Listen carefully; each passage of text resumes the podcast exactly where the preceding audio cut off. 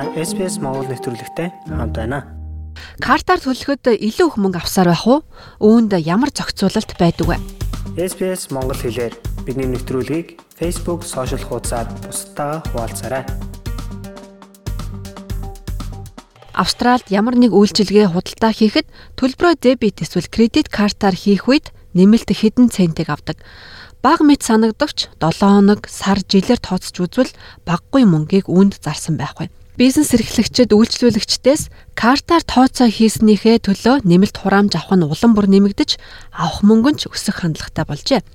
За Австралийн нөөцийн банкны 11-р сард гаргасан мэдээлэлд 2019-с 22 оны хооронд гэхэд кредит болон дебет картаар хийсэн төлбөрийн тоо 77.5%-аар өссөн байгаа юм. Төлбөрийн үйлчилгээ үзүүлэгч Тайрогийн бас нэгэн тайланд зочлох үйлчилгээний газрууд нэмэлт хураамжийг хамгийн ихээр авдаг болохыг тогтоожээ.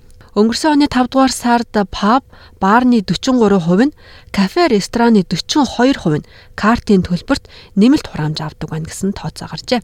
За яг үүнтэй зэрэгцээд Австральд бэлэн мөнгө хэрэгэлдэг хүний тоо улам бүр буурч байна. За 2019 онд бичлэн хийсэн гүйлгээний 27%-ыг бэлэн мөнгөөр хийсэн бол 2022 он гэхэд 2 дахин буурч өрдө 13%-ийг нь л бэлнээр төлсөн тухай нөөцийн банкны мэдээлэл байна. За бизнес эрхлэгчид хэдийн хэмжээний төлбөр авахыг зөвшөөрдөг вэ? Та картаараа төлбөр хийхэд тухайн үйлчилгээ үзүүлсэн бизнес энэ гүйлгээг боловсруулах зардал гэж тооцож нэмэлт төлбөр авдаг юм.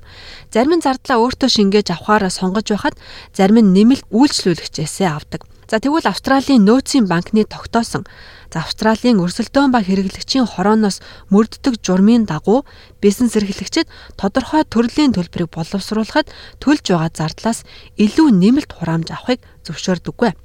За картын төлбөрийг боловсруулах зардал нь харилцан ажилгүй байдаг. За гэхдээ жижиг бизнесүүд том бизнесүүдтэй харьцуулахад илүү өндөр банкны хураамжийг төлөх ёстой болдог. За нөөцийн банк янз бүрийн төлбөрийн аргуудыг боловсруулах дундаж зардлыг дараах байдлаар тооцсон байна. За EFTPOS буюу карт уншдаг машинуудад тэг 15%-аас бага. За Visa болон Mastercard дебит картууд тэг 15-аас 1%-ийн хооронд. За Visa болон Mastercard кредит картууд 1-ээс 1.5% хүртэлх байж болох юм. Тэгэхээр та 5 долларын кофе аваад үүнийг картаар төлөхөд 1.5%-ийн шимтгэлээ төлөөд нийт 5 доллар 8 центиг өгнө гэсэн үг.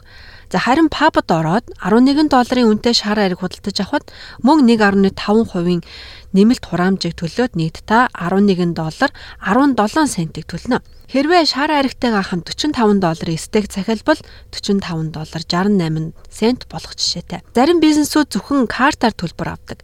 Тэд нэмэлт хэдэн доллар авч байгаагаа тодорхой хэлээд заасан хэмжээнээс хэтрүүлээгүй тохиолдолд үйлчлүүлэгчээсээ энэ нэмэлт хураамжийг авахыг зөвшөөрдөг. За мөн картаар төлбөр хийх хамгийн бага зардлын хэмжээг тогтоож өгөх боломжтой байдаг. Тэгвэл ямар үед нэмэлт хураамж авахыг хориглодог вэ? BPay, PayPal, зан Diners Club болон American Express-с гаргадаг American Express картууд за төлбөрийн хэлбэрээс хамааран таксины үйлчилгээний үнийг төлөхөд нэмэлт хураамжийг төлдөггүй юм байна. За тэгвэл картын энэ нэмэлт төлбөрөөс яаж зайлсхийх вэ? За хамгийн хялбар арга бол та бэлэн мөнгөөр бүх худалдан авалтаа төлөх явдал юм. Хэрвээ та бэлэн мөнгө авч явах дуртай хүн биш бол зөвхөн картаар төлбөрөө авдаггүй бизнесээс худалдан авах их боломжтой.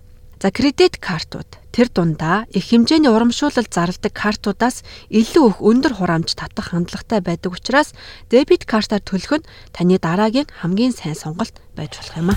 Австрали улсад амьдарч эхлэх гэж байна уу? Хэрэгтэй мэдээллийг SBS.com.cg юу? Урагшаа зураас Mongolian хуудасаас хүлээн авах нь